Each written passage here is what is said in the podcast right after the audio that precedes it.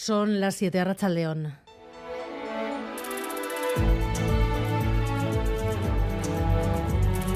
Gambara con Arancha García.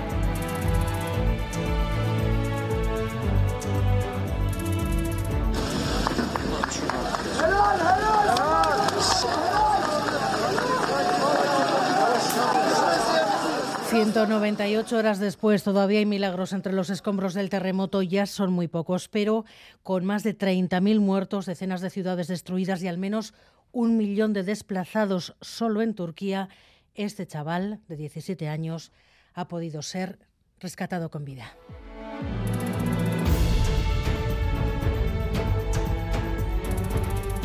Aquí Europa ha aprobado el fin de los coches de gasolina y diésel en 12 años. Dejarán de venderse en 2035. 12 años para que el coche eléctrico solucione los problemas que aún están lastrando su compra, autonomía, puntos de recarga, precio.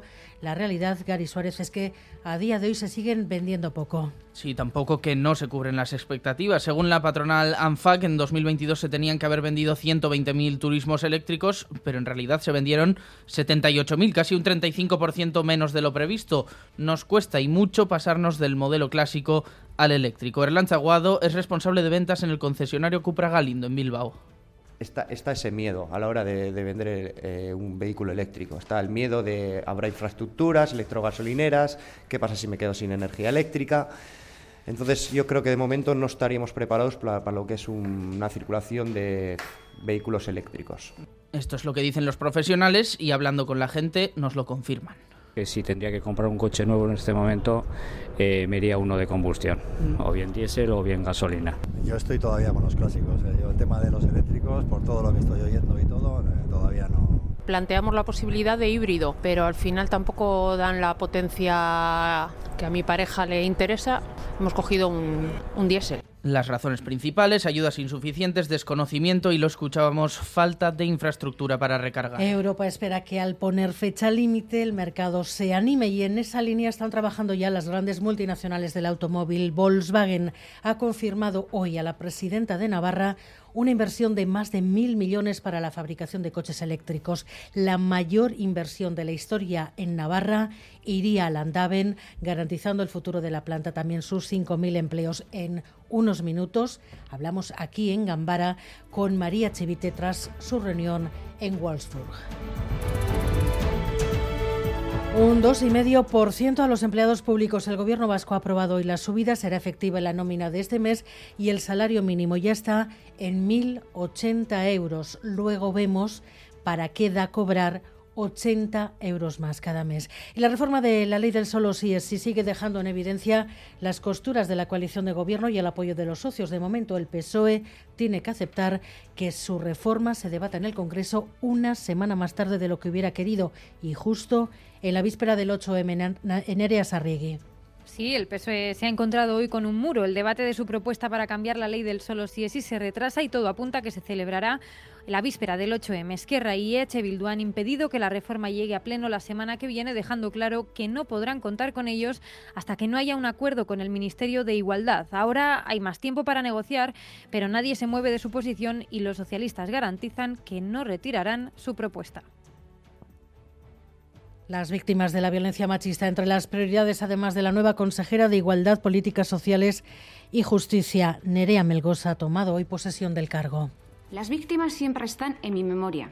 Cada mujer asesinada, cada mujer agredida tendrá justicia entre sus cometidos la política penitenciaria y las políticas de reinserción, con varios datos interesantes que hemos conocido hoy. De las casi 500 progresiones de grado concedidas el año pasado, menos del 7% se concedieron a presos de ETA, Rodrigo Manero. Sí, el año pasado un total de 486 reclusos de las cárceles vascas lograron una progresión o clasificación de tercer grado. 33 eran presos de ETA. Según el Departamento de Justicia, en el caso de los reclusos comunes se revocaron 4, menos del 1% de los casos. Pero entre los presos de ETA hubo 8 revocaciones, el 24% de los beneficios concedidos. Y las mejores notas del MIR han sido para dos bilbaínos, una alumna de la Universidad de Navarra El otro de la UPV, David Beramendi. Sí, eran más de 11.500 aspirantes, pero al final dos bilbaínos, Patricia Andrés y Miquel Isla, de la Universidad de Navarra y la UPV, han logrado las dos mejores notas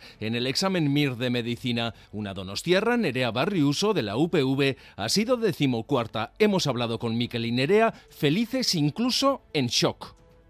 Pues sí, hombre, mucha satisfacción. Al fin y al cabo, pues eso, son, son muchas horas, lo que hemos comentado, es mucho esfuerzo. O sea, estoy en shock porque no me lo esperaba, fue una verdadera sorpresa. Pues muchas felicitaciones. Que están flipando, que están muy orgullosos de mí, que enhorabuena, que, que, que crack.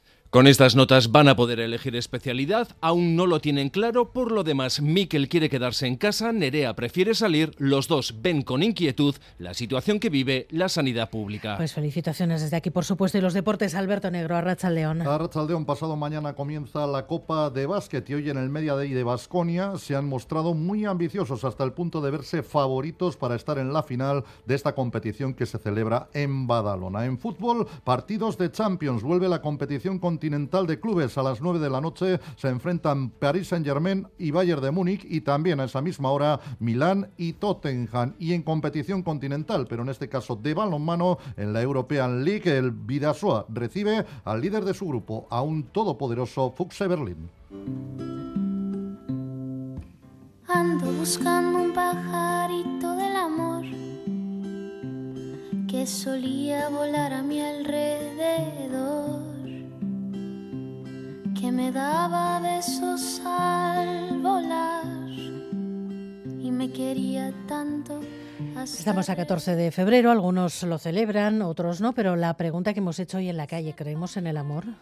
Solamente tenía una novia en mi vida y lo celebré. Hace seis años lo celebré. Parece una tontería.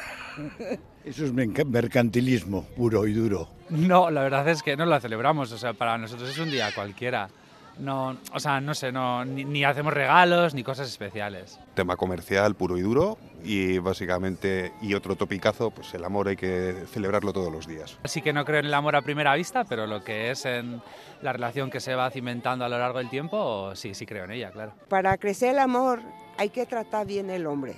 No, es bueno, ¿verdad? Y el hombre a la mujer, hay que respetar la decisión de hombre y la decisión de la mujer. Este es el amor. Llevamos casi 50 años casados, o sea que... Confianza, no andar con problemas de que si me has engañado, que si ha sido, que eso...